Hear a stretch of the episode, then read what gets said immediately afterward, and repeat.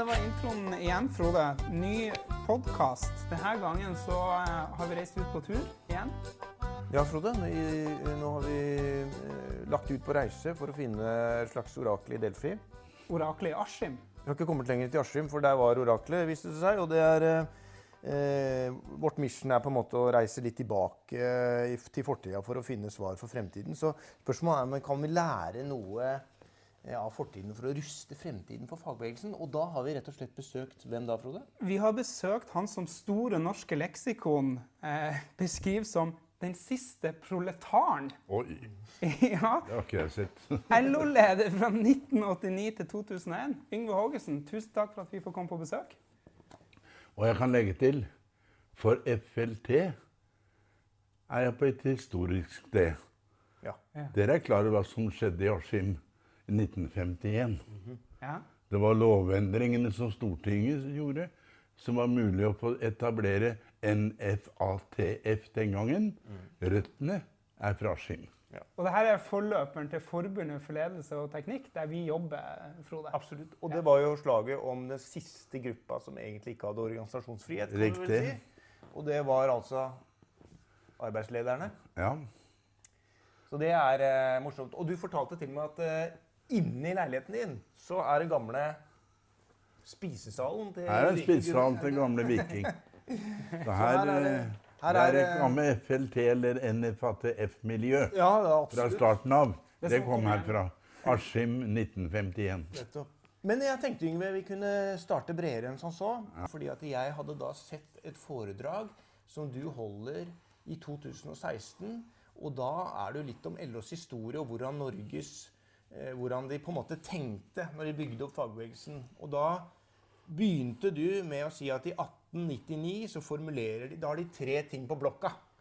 På det første møtet når de, når de formulerer, og det er arbeid Arbeid, bolig og utdanning. Nettopp. Vi går tilbake til 1899, da Irland ble stifta. Minner om at Norge var Europas nest fattigste land etter Irland. Eh, 20 år tidligere og etter hadde 800 000 nordmenn emigrert til USA. Og det var såpass mange som vi snakker en fem... De mangla arbeid, bolig og utdanning. Da Soen sier noen til meg at ja, men de møtte ikke noen rød løper der. Nei, jeg gjorde vel ikke det, sier jeg, men jeg fikk ikke spark i rumpa og ble jaga hjem igjen heller. Det var en annen holdning til menneskeinnvandring, om du vil, den gangen. Det var slik at Fattig-Norge var Fattig-Norge. Nøden, hverdagen, den dominerte hele det norske samfunnet. Eller ble stifta, som jeg sa. Arbeid, bolig, utdanning. Den fortalte om visjonene. Fortalte om visjonene. Hvorfor en fagbevegelse? Hva er utfordringene i framtida når du skal forme Fattig-Norge til å bli et velferdssamfunn? Vi er 120 år etter. De siste ti åra er Norge av FN kåra til verdens beste land å bo i. Og da eh, kan du spørre hverandre hva har egentlig skjedd? Og når jeg syns historie er viktig, så er det for at historie er glemt. Jeg føler mange våre generas generasjoner i dag føler at det samfunnet vi har, har kommet på fjøla av seg sjæl. Det er der. Det står der. Det vil alltid være der. For det første er ikke historia riktig. For det andre så viser dagens regjering at heller ikke de er for den framtida. Det er første gangen, tror jeg, en regjering i Norge har gått ut og i sin regjeringserklæring er mer opptatt av de uorganiserte enn de organiserte. De må ha spesielt øye til de uorganiserte, sier de i regjeringserklæringen. Det er første gangen, tror jeg, i norsk etterkrigshistorie iallfall, at det har skjedd. Og det er det vi lurer litt på. Fordi halvparten er uorganisert. Så hvordan får vi med den halvparten? Ja, er, hvor må vi starte? Unge mennesker som skal inn i arbeidslivet. det er sånn at når jeg forteller at vi er verdens beste land å bo i, så sier det mange miljøer her Ja, men verdens dyreste òg. Og da sier jeg ser ikke sammenhengen. Er det mulig å komme fra Fattig-Norge til verdens rikeste uten at det koster? Og det, det husker våre forgjengere. Jeg minner om at nasjonalsalmen begynner med 'Gud signe vårt dyre fedreland'. Der starten er særdeles viktig. Gå tilbake, slik som Erling Borgen gjorde med Einar. Hva var situasjonen da man starta? Hva var forutsetningene? Hvor lå mulighetene til å lykkes? Da måtte man være djerve. Man måtte tørre. Og det er klart de første åra, det var kampår hele veien. Hele de første 30 åra var prega av streiker. Ja, langt inn etter det også. Streiker. Ikke bare nødvendigvis om høyere lønn. Like mye for å beholde lønna de hadde. Like mye for menneskeverdet. Jeg pleier å nevne to episoder som understreker dette. På hver sin måte. Begge var i 1907. Da fikk vi den første landsomfattende tariffavtale i Norge. Verkstedoverenskomsten mellom Jernmetall og Mekanisk Verkstedslandsforbund forening, den kom i 1907. Den ble på en måte banebrytende for utvikling av tariffarbeid i ettertid, og en stolt, er en stolt påle i norsk faglig historie. Den andre er også i sju, men forteller om noe helt annet. Den er fra Sulis, Suliteima i Mo i Rana, hvor smelteverket eide alt som var. Men de ville ha mer. De ville også eie menneskene. De ville ha et kjede rundt halsen på de ansatte som fortalte det, som eide det. Slavemerket ble det kalt. Etter tre ukers streik på isen, for hadde de ikke møtelokaler, så bøyde arbeidsgiverne av. De aksepterte at de ikke ville ha dette slavemerket. Det fikk ringvirkninger, ikke bare i Nordland, i hele Norge. Den holdningen det representerte, var med og ga et nytt giv i fagbevegelsens vest i Norge på den tida. Det neste jeg stopper opp ved, det er en annen karakter. Og det er grunnlaget for det velferdssamfunnet vi har i dag. Menstadslaget tenker jeg på.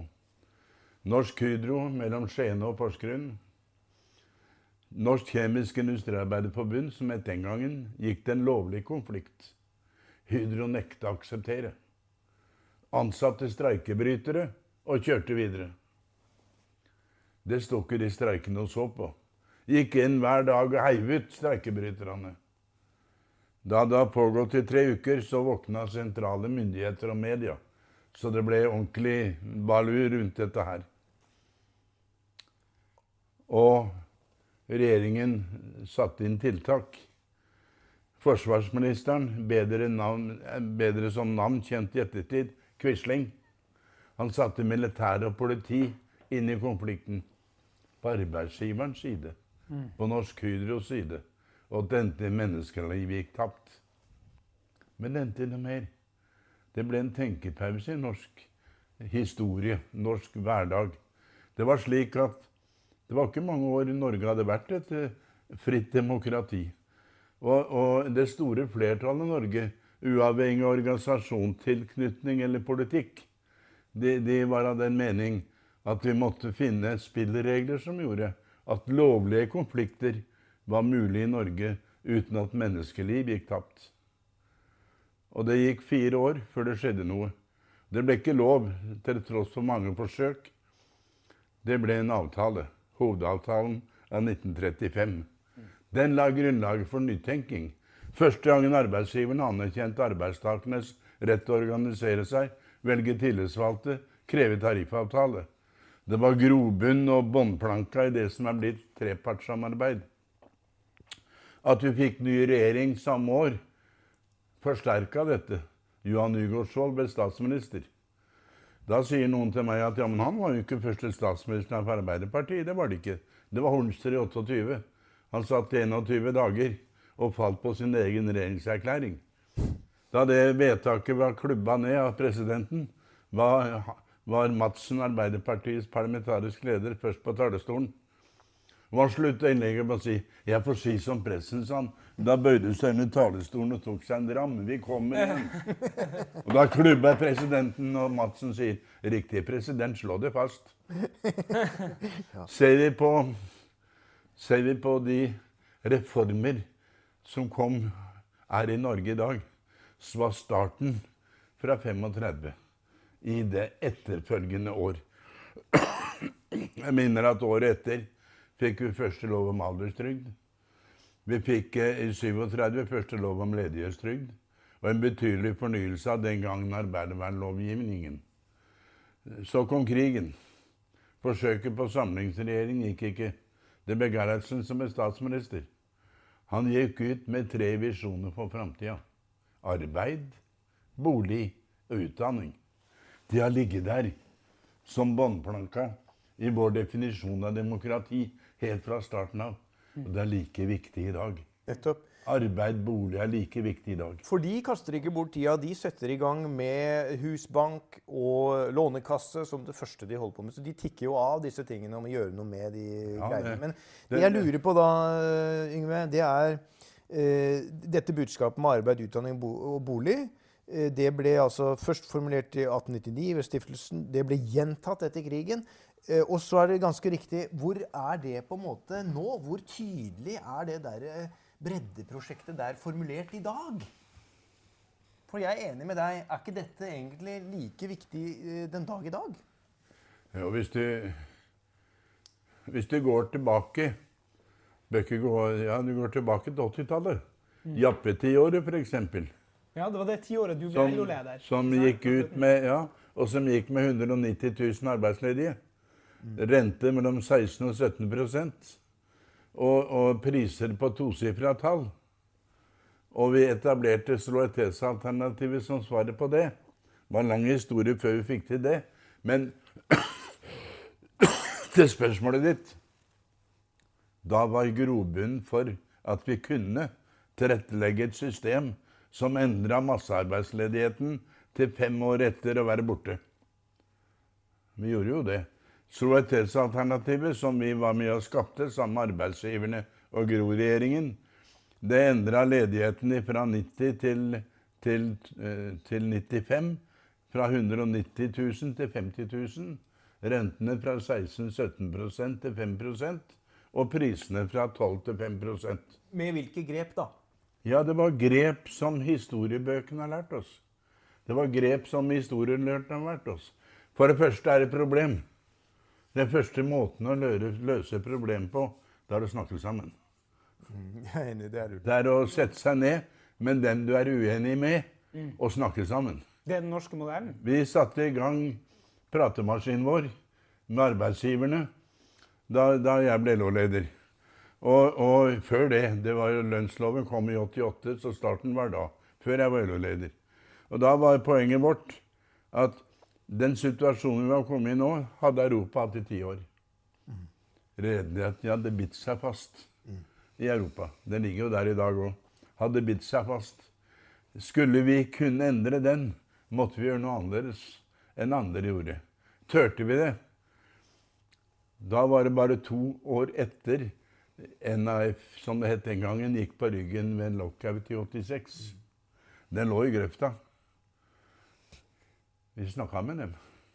Og han lurte på om han trivdes i grøfta, eller ville være med å gjøre noe som forandra Norge fra masseledigheten til arbeid. Det ville de. De hadde behov for å få fornya ansiktet overfor sine egne og overfor omverdenen. Og vi hadde masse møter hvor vi starta opp med hva er status i dag. Hva er status egentlig i dag? Det er mange mange tall og beregninger og statistikker og politiske påstander. Hva er virkeligheten i dag? Og to, hva er utfordringene for framover? Konjunkturer og internasjonale trekk som vi møter framover. Og punkt tre, tre har vi lover og avtaler som, som skaper problem for oss i en snuoperasjon. Og hva kan vi eventuelt gjøre med det? Fire, har vi felles mål? Hva vil vi for noe? Og fem, hva tør vi gjøre? Vi hadde minst ti møter med arbeidsgiverne, eh, med grupper på to-tre på hver sin side. I LO-sekretariatet var det ingen som visste om disse møtene, f.eks. Det var Jan Balstad og Stein Regaard og, og, og, og Bjørn Kolby og jeg som hadde disse møtene. Og, ja, første del var Leif med, var før Leif slutta. Haraldseth, selvfølgelig. Og det, og det, det, det gjorde at vi egentlig hadde en felles holdning med arbeidsgiverne om hva som var mulig å gjøre hvis vi turte det, og fikk med andre. Så gikk til regjeringa og fortalte om planene våre. Og Gro tente. Eh, Men samtidig greier vi dette da, Yngve? ja. Det var problemer underveis. Vi måtte gjennom en lønnslov i 88-89. Jeg var landet rundt mens våre venner, mine kamerater, var på kongress i, i Australia den gangen. Reiste jeg landet rundt med lønnsloven. Og aldri fått så mye kjeft i min tid. Men aldri trodd på riktigheten av det som i min tid. Jeg møtte ingen rød løper. Jeg bare kjeft. Dagbladet, VG, andre aviser og radio og TV fulgte meg landet rundt når jeg fikk kjeft og syntes det var fine greier. Jeg, jeg bare minner om at halvannet åter ble valgt som leder av Svømmefolka. Så det forteller at du greide, å, du greide å få folk med på tanken bak. At vi turte å gjøre noe som vi ikke har gjort før. Som våre forgjengere gjorde. Og greide å skape grunnlaget for det fedreland vi var på jakt etter. Og det, det å tørre, å tørre, analysere, komme fram til hva som er virkeligheten, møte utfordringene og tørre å ta dem, det har vært fagbevegelsens styrke i 120 år, det. Når vi har møtt problemer. Nå har vi møtt problemer. 80-tallet var det sånt. De hadde noe lignende i 08 til jeg slutta. Finanskrisa. Bøy på lignende problemer. Det var samme mekanismer som ble satt til grunn. Jeg minner om at eh, hun, finansministeren vår i 08 i eh, oktober la fram budsjettet. Da var finanskrisa en realitet. Men det sto ikke et ord om det i budsjettet, for det hadde ikke nådd Norge på noen tidspunkt.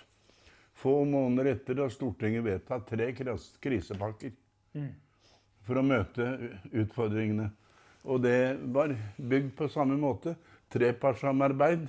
Regjeringen, storting og vedtatt. Nesten overveldende flertall. Er dette sånn at øh, her, her snakker du egentlig om viljen til revisjonisme, viljen til å gjøre ting litt annerledes for å komme videre, er viktig. Er det type, Det er helt sentralt. er det type kompetanse eller øh, i, i fagbevegelsen i dag som det finnes for lite av? Eh, Er dette kulturelle element i dag som er utfordringer, altså som bør endres for å kunne stå sterkere rustet fremover, eller hvordan ser du på det? jeg, jeg, jeg, jeg tror at noe av det som vi starta med begge to, hva er ståa i dag? Hvilken holdning har norske folk? Jo, veldig mange tror at det velferdssamfunnet vi har, det har vi fått. Det har vi fått gratis. Ja. Det står der og blir aldri endra. Det kom som en gave. Ja. Ja. Og, det, og det, det, det, er de holdningene du må endre. Og, det, og det er, jeg har opplevd at fagbevegelsen er på det beste når vi har de største utfordringene. Da er det på det beste. Fordi det mobiliserer Da mobiliserer det beste i oss. Trua på nye ting. Trua på tørre. Det er, det er, jeg, jeg vil våge å påstå at det viktigste elementet for meg i min tolvårige karriere i LO, var at jeg turte å gjøre noe. Som andre Ja, andre hadde gjort det før, men folk hadde glemt det. Jeg har aldri påstått at jeg skriver en ny historie, men jeg har påstått at jeg tar vare på historien Men- og, og bruk den. Men sier du at det er gjennom eh, krise at man engasjerer unge bl.a. til å forstå viktigheten av organisert arbeidsliv? Jeg kan bruke et annet eksempel. De gangene jeg føler vi greier å mobilisere, Ja. det er når det er konflikter. Aha. Når det er streiker. Ja. Vi hadde den store i 86, ikke sant? Som, som, eh, som 110 000 arbeidstakere ble satt på gata. Det mobiliserte hele fagbevegelsen. Vi har hatt streiker etterpå som, som har gjort det samme. Vi hadde f.eks. da Gro Ikke Gro. Da denne Erna Solberg-regjeringa for noen år tilbake endra arbeidsmiljøloven. ja. Det var én million nordmenn, ikke bare LO, men andre, som var på gatene landet rundt og demonstrerte mot lovendringene. Problemet er at jeg holdt kjeft etterpå. Men, men da var man frampå. Og, og, og da kom noe av den fine det vi har i fagbevegelsen. Det fineste vi har av solidaritet inn. Viljen til å gjøre ting annerledes. Viljen til å tørre å ta igjen. Da, da, da, ved sånne anledninger, streikesituasjoner, da merker jeg godt at den, det greier å mobilisere også den yngre garde til å være med og stå på stand og være for streik. Nå er det sånn at eh, Solidaritet, det begrepet, det er jo mange definisjoner av. Og øh, skal jeg være ærlig, så på meg så virker det som at det tidvis er redusert til å bli et slags kulturelt kodeord for at man skal ha ekstremt høy toleranse for andres identitetskulturelle avvik. Men det, når jeg forstår solidaritet på sitt beste, så er det med definisjonen til Stoltenberg senior, som sier at øh, solidaritet er ikke misforstått snillisme, det er evnen til å avdekke at vi har felles interesser. Og det er noe med å se at hvis ikke du er med på denne kampen på vegne av de andre nå, så vil du få det i sekken om noen år. Er du enig altså Og det er mye riktig i det. Ja. Det er mye riktig i det. Og, og, og, men jeg opplever, og gjentar det, at når vi har problemer Du, du ser enkeltbedrifter er i konfliktsituasjon for å få tariffavtale, f.eks. Det kommer fagforeninger fra landet rundt med fanene sine og er med i demonstrasjon på arbeidsplassen. Sånne det solidaritetsmarkeringer. Og hvorfor gjør de det? Det har med grunnleggende holdninger å gjøre. Det har med solidaritet å gjøre. Vi hjelper hverandre når vi trenger det. Og det, det, det, det syns jeg kommer fint så mange ganger fram. Men er ikke dette fryktelig umoderne på et vis? Altså, En, en ting som jeg synes er uh, Min opplevelse når jeg så den der uh, dokumentaren om Gerhardsen-epoken, det var bl.a. at man var veldig opptatt av å si alle man skal få brød før kake. Altså øh, ganske sånn universelt orientert. Øh, generelt, alle skulle med. på en måte. Det var skulle ikke tillate for store uh, forskjeller. I hvert fall ikke før det grunnleggende var på plass. Og det føler jeg kanskje er noe av utfordringen i dag. Altså at man har gitt litt faen i det der med å slippe fri. det der at Nå er det mer selvfølgelig at folk spiser både kake og Ja, du, du, du, du, det er mulig at jeg har en bakgrunn som forsterker noe av det jeg sier. Jeg minner om at det vokste tolv år på barnehjem. Og, og landet rundt. Og det er et spesielt miljø barnehjem er. Og jeg bodde i Oslo halvannet år og gikk på Tøyen og hadde Oslo-frokost. Jeg så hvor viktig det var for meg den gangen. Kan du fortelle oss litt hva Oslo-frokost er? Kan du fortelle oss hva Oslo-frokost er? Ja, Oslo-frokosten var på eh, folkeskolene i Oslo. Om det var på andre, vet jeg ikke. Og jeg bodde jo på, eh, i Borggata da, og, og, og, og var der klokka åtte om morgenen og fikk frost. Det var brød og knekkebrød. Og brun ost og, og, og gul kanskje også, men mye brun. Og det var eh, melk og juice og sånn. Jeg var så glad i det. Jeg var så glad i det. Jeg Så har ikke kommunen, spist- fellesskapet, stilte opp med frokost? ja, det var skolen som hadde det på alle steder. Alle sammen. Og det var slik opplevde jeg, mener å huske det, at alle kom på Oslo-frokosten uavhengig om de hadde fått frokost hjemme en gang. Så uavhengig av klasse? Ja. Ja. Det var ikke noe sånn at der er barnehjemsunga. Det var, eh, og den gangen var det ikke mange av oss fra barnehjemmet på Tøyen. Men, men, eh, men eh, det lærte meg en del ting som jeg har Jeg, jeg hadde barnehjemstante sjef fra jeg var to år, da. Det husker jo ikke jeg. Men var, tante Årsdal var jo sammen med fra jeg var to til jeg var ti år. Og, og da pleier jeg å si at da lærte jeg hva rettferdighet var.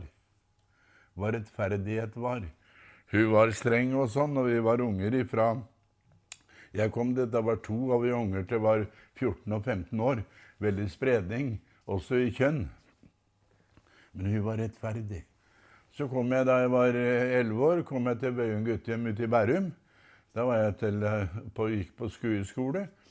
Da var det en som het Joakim Hermanrud som var bestyrer. Bøyum guttehjem, det var staten som eide.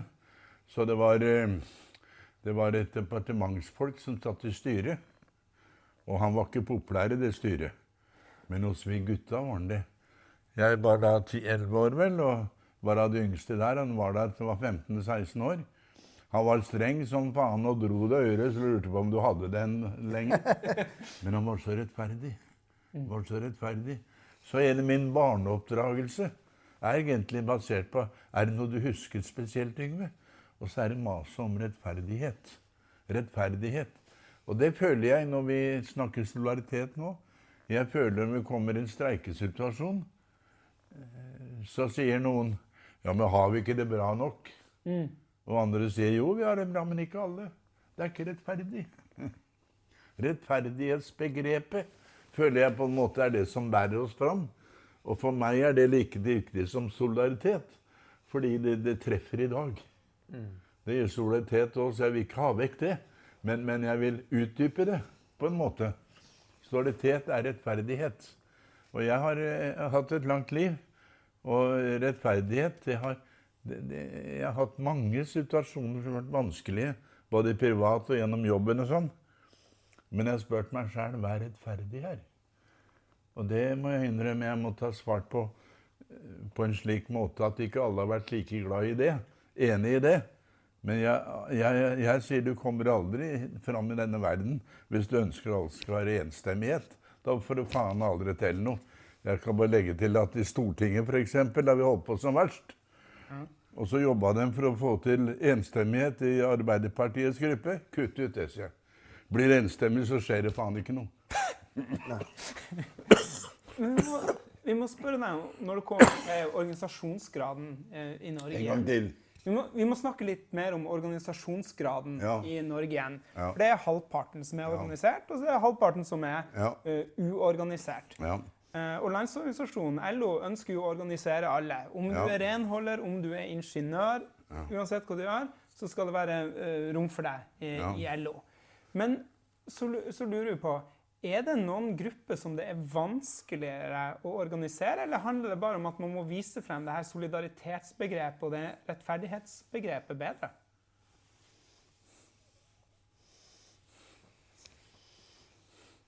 Ja, jeg, er ikke, jeg, er ikke, helt sikker nå, for jeg, eh, jeg, jeg, svarer egentlig på det som er virkeligheten i hverdagen. Nå går det på organiseringen av arbeidslivet.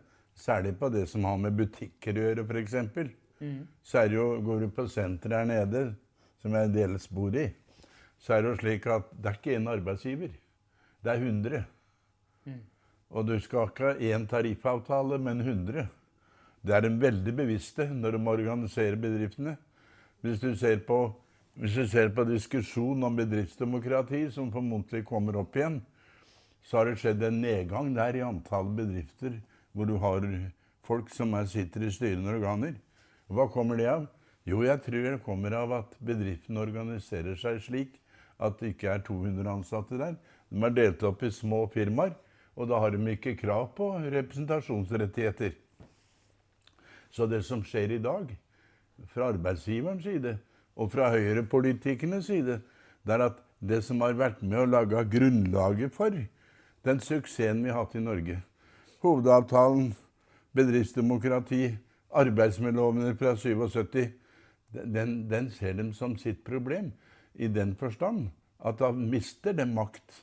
De mister innflytelse til fordel for de ansatte. Derfor vil de ha det vekk. Er det ikke her vi er inne på den egentlige kjernen med hvordan dette har appell ikke bare for de som er butikkmedarbeiderne, men også uh, alle andre som, uavhengig om du har høy eller li, mye eller lite utdanning, uh, om du jobber som funksjonær eller operatør Alt dette er Dette å ha dette bedriftsdemokratiet, denne, denne demokratiske muligheten til å ha dialog på ulike arenaer på innsiden av bedriften, er det ikke det som er selve kjernespørsmålet i hvordan vi skal få denne rettferdigheten, bringe den frem, da? Jo, det har sammenheng med akkurat sa vet du. Hvordan bedriften organiserer det hele. Det er jo for å unngå å få de sterke gruppene. Og, og, og jeg, jeg, jeg, jeg, må si at Og så må det være lov å være ærlig og si Noen ganger kan du si faen au, altså. Og slå i bordet. Ikke være redd for at pressen ser deg, eller hva det er for noe jævelskap. Jeg, jeg er så forbanna for å bli så diplomatiske. Ja. Der har du vært inne på noe før. fordi at uh, Du sa en gang om at når, når, du tok en titt på eh, LOs siste handlingsprogram ved siste kongress så sa vi at her er det bare én ting som mangler, og det er god jul og godt nyttår. Nettopp. Er det det du mener med det? Altså at man ja, det, da, da, var, da, var, eh, da var Eik Kristiansen på plass også. Gabrielsen, mener jeg. Ja, ja. Det var på en eh, LO-konferanse et eller annet sted i Norge. Og, og han skulle presentere det. Og så, og så Jeg skulle holde et annet foredrag. Men da de skulle begynne debatten, så sier jeg Hans Christian, er lov å være helt ærlig? Ja, klart det, Yngve. Ja, det manker bare noen få ord her. Hva er det? God jul og godt nyttår, sier jeg. det, det, det, Ordbruken gjelder ikke bare stemmene bruker, men hvordan du formulerer deg òg, ikke sant? Og det er klart at uh, jeg, jeg og det, Dette gjelder fagbevegelsen. Det gjelder samfunnet vårt og har kanskje sammenheng med at vi er blitt verdens beste land å bo i. For de aller fleste, men ikke alle. Og Det betyr at de aller fleste har det bra, og spør ikke hvorfor, spør, hvorfor faen skal vi bråke mer nå. Vi får jo omtrent som vi vil ha det. Og det er nesten sånn. Men, men poenget er at nesten er ikke nok. Og, og det, det, men de 50% som er uorganiserte Vi må jo erindre at så høyt har ikke tallet vært, men ikke så mye lavere heller. Så, så det, har jo, det, har jo, gått igjen i alle år jeg har vært aktiv, at vi har et lav organisasjonsgrad i forhold til mulighetene. I forhold til mulighetene. Og jeg, jeg Når jeg sier det, så må jeg minne om Og jeg holder foredrag i mange miljøer. Det, det virker som om media skal ha fram at Dølle har kommet så jævla langt tilbake gode venner. Vi er 936 000 LO-organiserte i dag. Så mange har vi aldri vært. Så mange har vi aldri vært. Så hvis dere på tiggeføtter, det kan dere ta dere faen på. du, nå er det sånn at I 1992 så lanserte vel Gro Harlem Brundtland et type sånn slagord i nyttårstalen sin på TV. Som vel gikk noe sånn at det var Et slagord som gikk Det var typisk norsk å være god. Ja. Eh, som eh, vi egentlig har eh, kanskje fått en tapning av nå, som er typisk norsk å være selvgod, egentlig. Men, eh, men det, det, mitt spørsmål er Tåler egentlig et land og et folk den typen slagord og oppfatning om seg selv? Jeg tror ikke det. Sånn umiddelbart så tror jeg ikke det. Og det, det er eh, Det er å presentere seg sjæl på en måte på en høyde som du ikke får andre med på.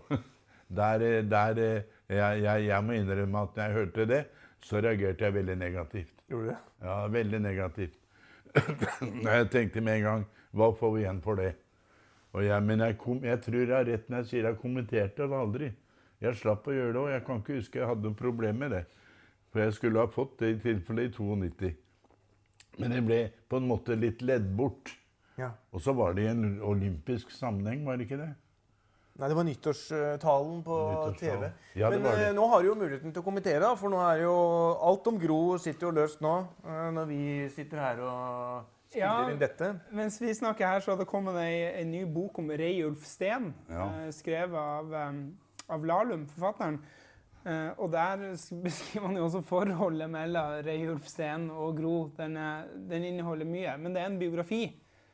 Eh, kan du, kan du, fortelle litt om, om eh, det poli... Har jeg snakka mye med Larum, vet du. Ja. Under, når han skriver den boka. Ja. Så jeg snakker ofte med han. Eh, jeg skulle vært med på den da han presenterte den nå, men jeg ville ikke pga. ryggen.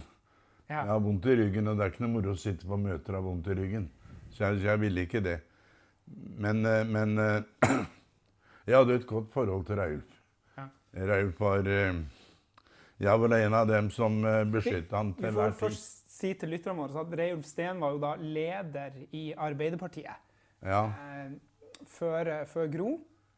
Han, eh, han, men han var aldri statsministerkandidat, og det er det som har, har vært mye av, av eh, oppmerksomheten rundt ja, boka. Men jeg vet, om, jeg vet, ikke om, han så seg selv som noen statsministerkandidat heller, for å være helt ærlig. Jeg, jeg kjente Raul personlig veldig godt. Det var en Slemmestad-gutt ikke sant? som, som ifra, kom fra, fra, gruvene der ute.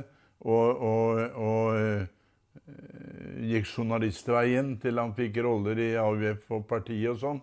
Jeg kjente ham fra tidlig på 70-tallet. Og, og, i den grad jeg lykkes på talerstolen, så er det han jeg lærte av. Mm. Reiulf var fenomenal på talerstolen.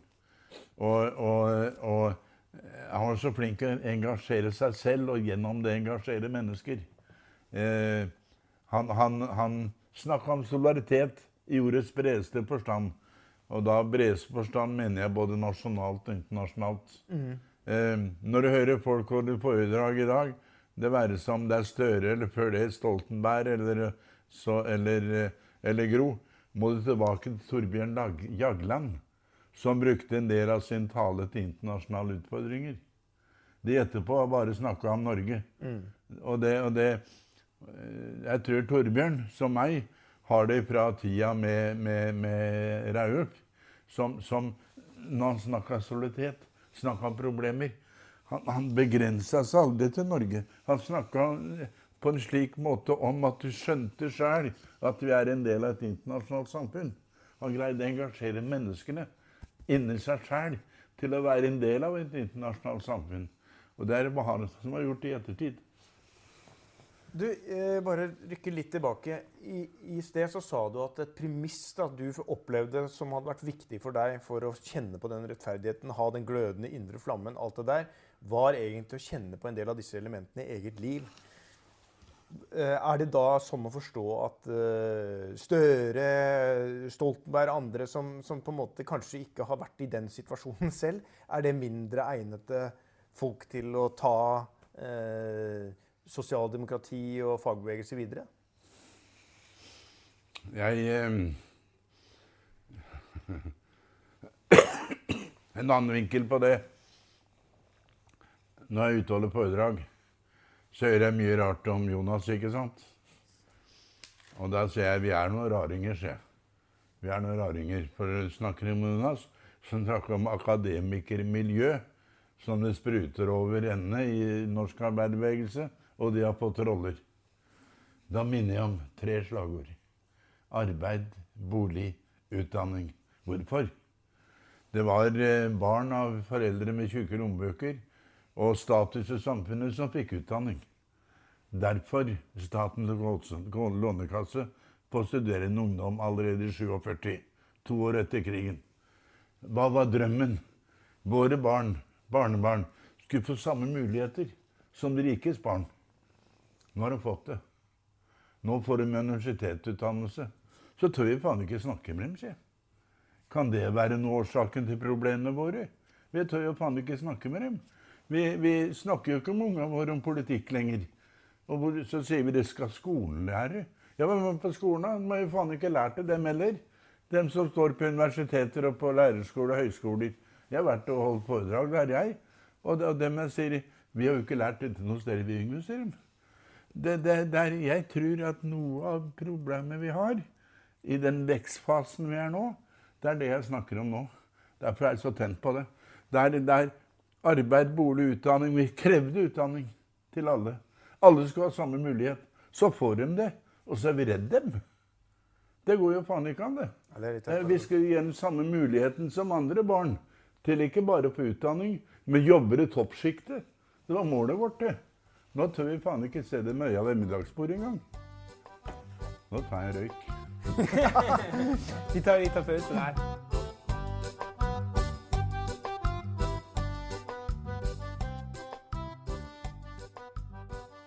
Den er lært mest av i politikken, mm. det er Reiulf Steen. Og, og, lært mest om hva solidaritet egentlig innebærer, det er lært av Reiulf Steen. Å se fagbevegelsen i historisk sammenheng for det ene, og en internasjonal sammenheng. Det er det bare han som har gjort. Den som var nærmest det, var Torbjørn Jagland etterpå.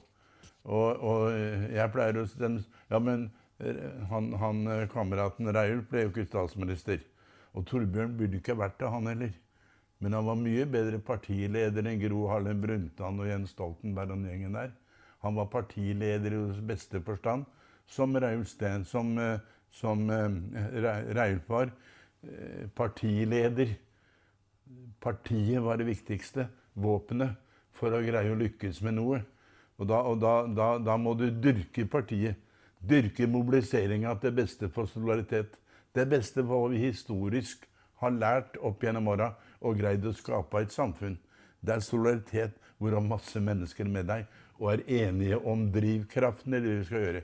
Det, er, eh, det har ikke Støre. Det hadde ikke Gro. Det hadde ikke, det hadde ikke Jens heller. Han ble litt bedre på tampen. Men me, mener du at, at vi uh, bør, altså Fagbevegelsen har en historie der man snakker om internasjonal solidaritet. Ikke nasjonal solidaritet, men internasjonal. De, ja. de store spørsmålene. Du snakker om Reulf Steen, ja. som var flink å trekke frem det. Men eh, mangler vi noe av det i dag? Er det en sånn tidsånd der vi snakker Ja, I fagbevegelsen mangler vi det ikke, syns jeg. Nei? Men i partiet da altså, I samfunnet si at, er det kanskje for lite? Ja, og i samfunnet og partiet. Det er jo partiet som har styrt den samfunnsdebatten. Er arbeiderbevegelsen har stått for det. Jeg, jeg, minner om at arbeiderbevegelsen har vært både arkitekt og byggherre for det velferdssamfunnet vi skryter av i dag. Og da har internasjonale utfordringer vært en del av den helheten som har skapt de resultatene vi har fått. Men i, i politikken Grunnmuren for fagbevegelsen visjoner og framtid, mm. den ligger ikke nasjonalt, den ligger internasjonalt. Det er der vi må hente inspirasjon til å være med i jobben hjemme. Se hvordan samfunnet utvikler seg uten det.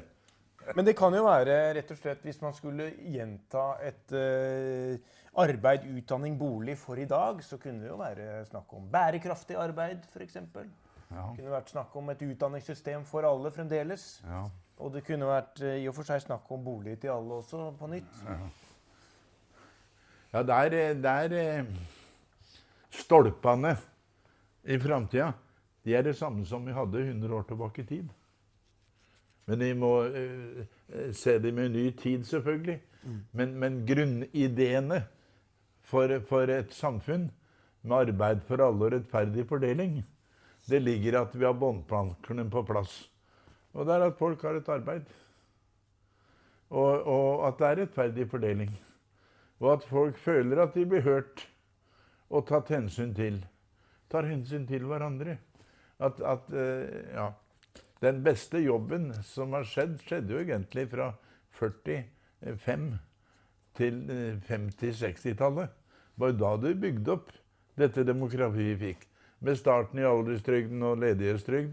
Og så kom en turorden ikke sant, til 46 fikk vi 45 fikk vi Arbeid for alle, 46 Husbanken, i 47 Statens lånekasse for studerende ungdom, tre ukers ferie, fri 1. og 17. mai.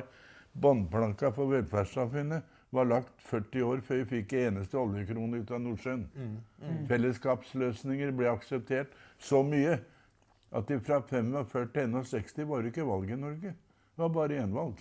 Ja. ja. Dette vil alle være med på. Ja. Men det man var ganske flink til, det var at man fikk på plass politikk for folks behov. Og at det kom først. Altså Man fikk arbeid, man, utdanning, bolig, transport, medbestemmelse, demokrati. Alle disse tingene. Eh, nå føler jeg det er et slags skifte hvor det er på en måte økonomien som kommer først, og så kommer folket siden. på en måte, Og der er vel ikke akkurat Arbeiderpartiet eller, eller arbeiderbevegelsen noe mer eller mindre med på det? Eller, er eh noe, altså, det kom et gjennomslag for såkalt næringsnøytralitet eh, også inn på 90-tallet. Eh, og det prinsippet ble ganske klart salvet eh, av Ap så vel som andre. Hvorfor har det fått så stort gjennomslag når man egentlig har bygget opp det landet her basert på motsatt prinsipp? Men, men, men Ja. Hvis vi Jeg tok 80-tallet, jappetiåret det, det var en snuoperasjon i forhold til konsekvensen av det du sa på 70-tallet. Vi hadde en periode på ti år hvor det ble 100 000 færre arbeidsplasser i industrien. Folk ble uføretrygda osv. osv. Og så greide vi, så kom 80-tallet med båndplanka der. 190 000 arbeidsledige. Vi hadde ikke vært nærheten av det i Norge før, før krigen. Og, og for oss var det nytt. Hva gjør man? Og vi hadde lange drøftelser om det. I fagbevegelsen gikk det på Arbeiderpartiet og SV-ere og AKP-ere. For de mente jo at arbeidsledighet og renter, det var regjeringens ansvar. Vi skulle sørge for god lønn for de som jobba. Og jeg sier det går bra, helt til vi registrerer at regjeringen ikke gjør noe. Hva gjør vi da? Og da måtte vi ha et alternativ, mente jeg. Og det ble det vi i ettertid kalte solidaritetsalternativet. Jeg trodde på det. Og fikk mange med på det. Etter hvert de fleste. Nesten alle. Og, det, og det, da mobiliserte vi det beste vi har i oss mennesker. Nemlig hensyn til andre enn oss sjæl. Mm. Og det, det, er det som soliditet egentlig er. Hensyn til andre enn oss sjæl. Og, og det, da skapte vi på 90-tallet det, det, grunnlaget for rikdom som vi i ettertid fikk i både pose og sekk.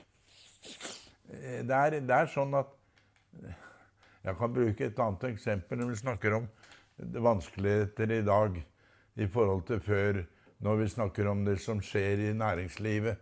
Det, det, det vi må akseptere at det skjer store endringer og sånn, ikke sant? Da sier jeg men vi har hatt det før. Ja, hva mener du nå, Yngve? Ja, hva skjedde på Kongsberg? Som var på konkursens rand og var det. Det jobber flere der nå enn de gjorde før. Hva skjedde i Mo, som lå på ryggen i mange år? Nå jobber de flere der enn de gjorde den gangen. Hva sett på Raufoss? Akkurat det samme. Og Askim her. Akkurat det samme i 1990.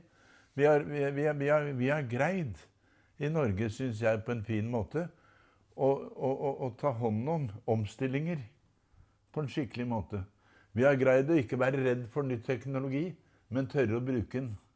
Og, og, og vi, vi, vi, har hatt en utvikling på industristeder som var hjørnesteinsbedrifter som gikk på ræva. Vi har bygd opp nytt, og som ikke er enkeltbedrifter som er så store, men mange som små utgjør like mange mennesker og flere mm. enn det var da de var store. Er det noe jeg ikke er redd for i Norge, så er det omstillinger. Jeg syns historien har lært oss at det er noe vi har greid å håndtere, så er omstillinger. Det er der bedriftsdemokrati kommer inn i bildet. Hvor de ansatte har lært seg å være med. Når jeg snakka om de fem pålene i stad der, der, Jeg har hatt med meg fem påler som viktige. Det er produktivitet, det er kvalitet, det er leveringsskikkelighet, det er kompetanse, og det er samarbeid. De fem pålene er like viktige uavhengig av hvilken regjering vi har uavhengig av konjunkturer. Det er bare vi som kan påvirke dem. Sammen med arbeidsgiverne, i et samspill på bedriftene, eller mellom hovedorganisasjoner, som vi gjorde på 90-tallet.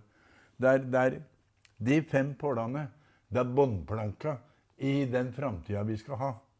Har vi ikke produktivitet og kvalitet og leveringssikkerhet og kompetanse og samarbeid, så lykkes vi ikke uansett. Det er, det er sentrale båndplakka i all positiv utvikling. Da vi, men da har vi vel ikke råd til å ha en halvpart som mener dette er eh, helt irrelevant for dem? Altså type at, eh, For det er jo med organisering og organisasjonsinstituttene vi får dette på plass. Ja, jeg syns jo, jo, det er dypt urettferdig at vi har det. Men jeg syns det er overraskende når jeg er ute og holder foredrag og snakker om dette. Kommer til ungdommen til meg. Jeg skal nå i høst to ganger på Kiel-tur med oljefolket fra uh, Rogaland. Uh, jeg er med dem og holder foredrag. Når jeg snakker om dette Yngve, vi er jo for dette, vi. Ja.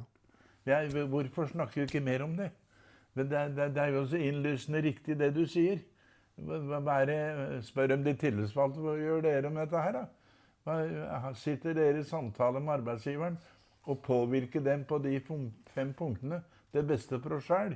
Jeg provoserer fram slike samtaler. Og det, og det, det er like vellykka positivt hver gang. Folk blir engasjerte.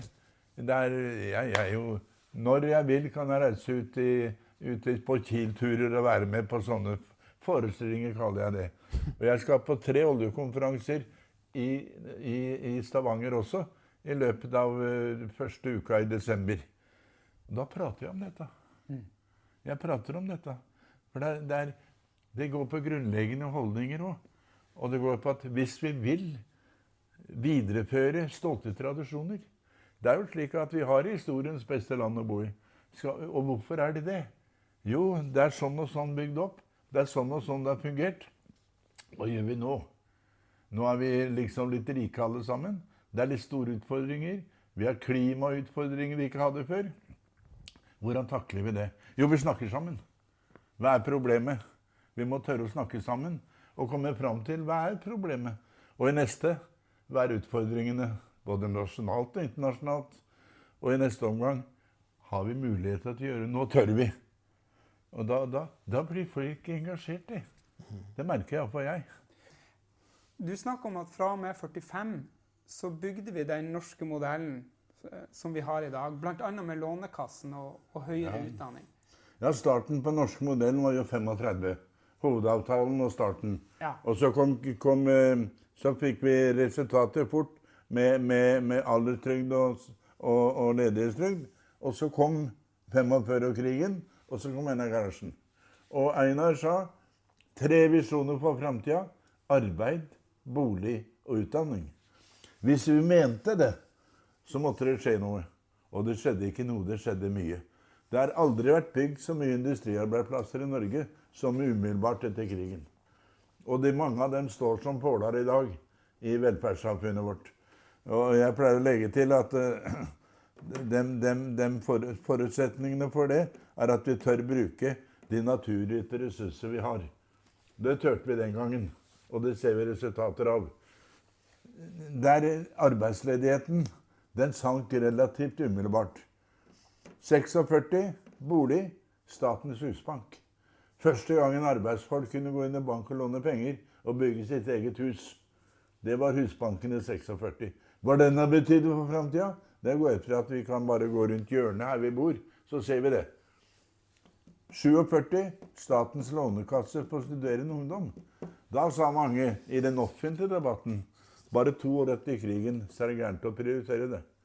Det er slik at vi, vi har også sagt vi skal gjenoppbygge Norge etter femårskrig.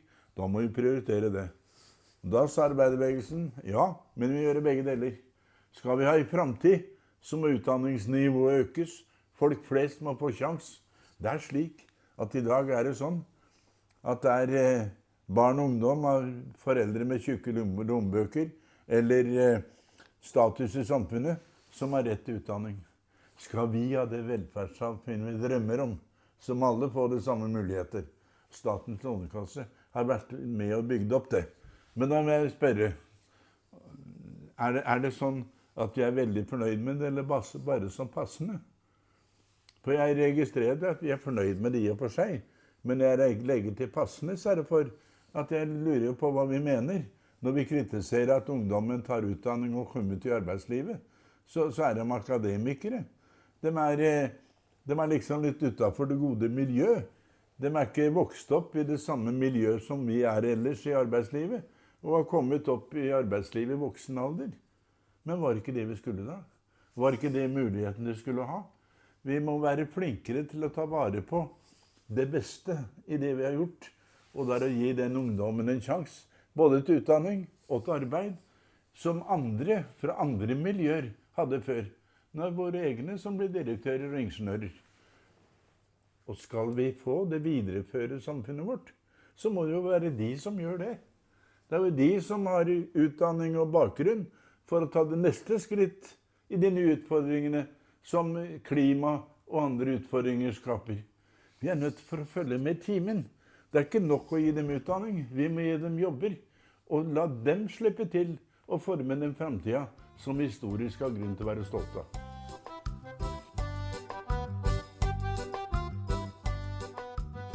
Det jeg, det jeg, det jeg sånn grunnleggende har av holdninger til arbeiderbevegelsen, det er knytta til at vi, eh, vi Vi er redd for debatter. Det er jo tausheten som er problemet. Vi er redd for debatter for at noen skal synes vi er veldig uenige. Og, og er du uenig, så er du uvenner. I fagbevegelsen har, vi ikke hatt det sånn. Er du uenig, er du uenig, men vi går ut og tar en øl etterpå. Mm. Men for å uh, følge opp det uh, Vi har jo bygget opp det vi er enige om har blitt så bra, gjennom konsensus, gjennom enighet. Eh, og så sier du egentlig at vi skulle ha mer temperatur, mer konflikt, mer uenighet. Eh, hvordan er sammenhengen der? Jo, Sammenhengen er det jeg sa samtidig. Om dette med konsensus får du ikke hvis du ikke har kampen på forhånd. Det er, det er, det er, du må vite hva du har konsensus om. Da må du jobbe i samarbeid jobbe i diskusjoner fram til Ja, nå er vi her. Her når vi ikke lenger. Hva gjør vi da? Nå tar vi kampen.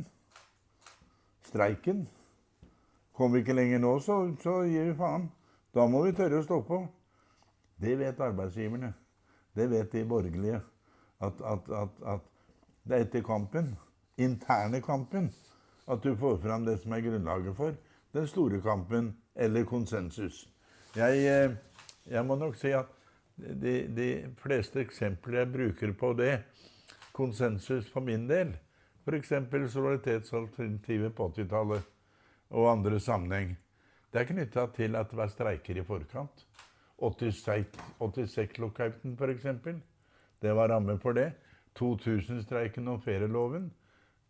Bare etter ei uke bøyde meg og så var vi ferdig med det. ikke sant? Mm. Du må tørre å ta kampen.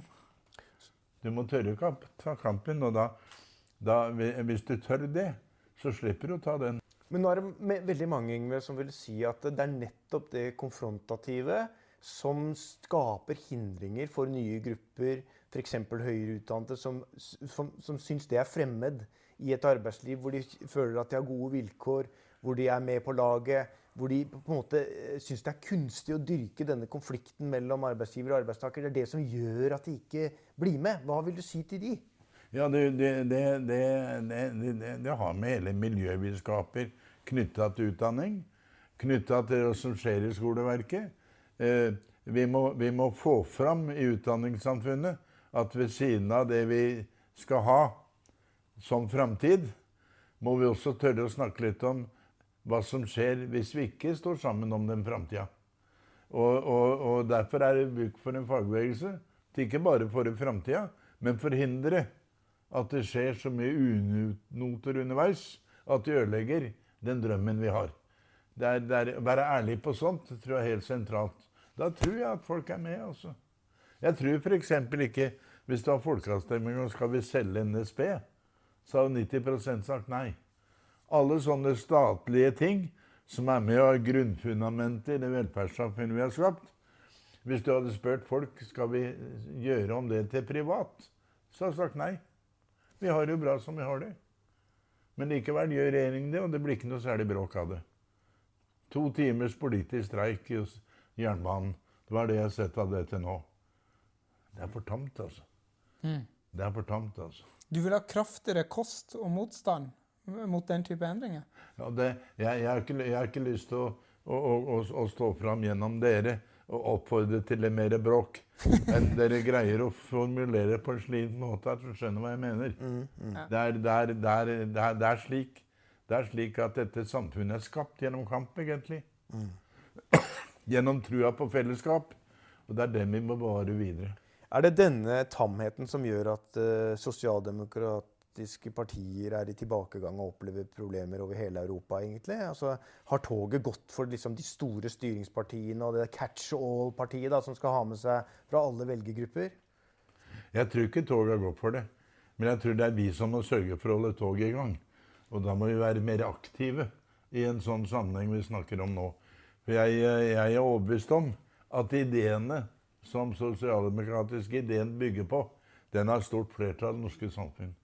Jeg tror den har det internasjonalt òg. Jeg tror ideene Men vi må få det fram i hverdagen. Snakke om det. Tørre å snakke om det. Når vi er eh, på idrettsbanen, står og snakker med folk om en fotballkamp, og tørre plutselig Hva syns du om du skal selge jernbanen? Syns du det er noen god idé? Da vil alle si nei kom hit for å lære om noe fra fortiden kan brukes for å ruste fremtiden for fagbevegelsen, og det syns jeg vi har fått gode svar på. Og så har vi ikke reist til fortida, vi har jo reist til noen som er fullstendig oppdatert på hva som skjer i dag. Absolutt, det har vi. Så det er veldig hyggelig, Yngve. Jeg tror vi sier uh, tusen takk. Bare hyggelig. Det er svarte, dette her.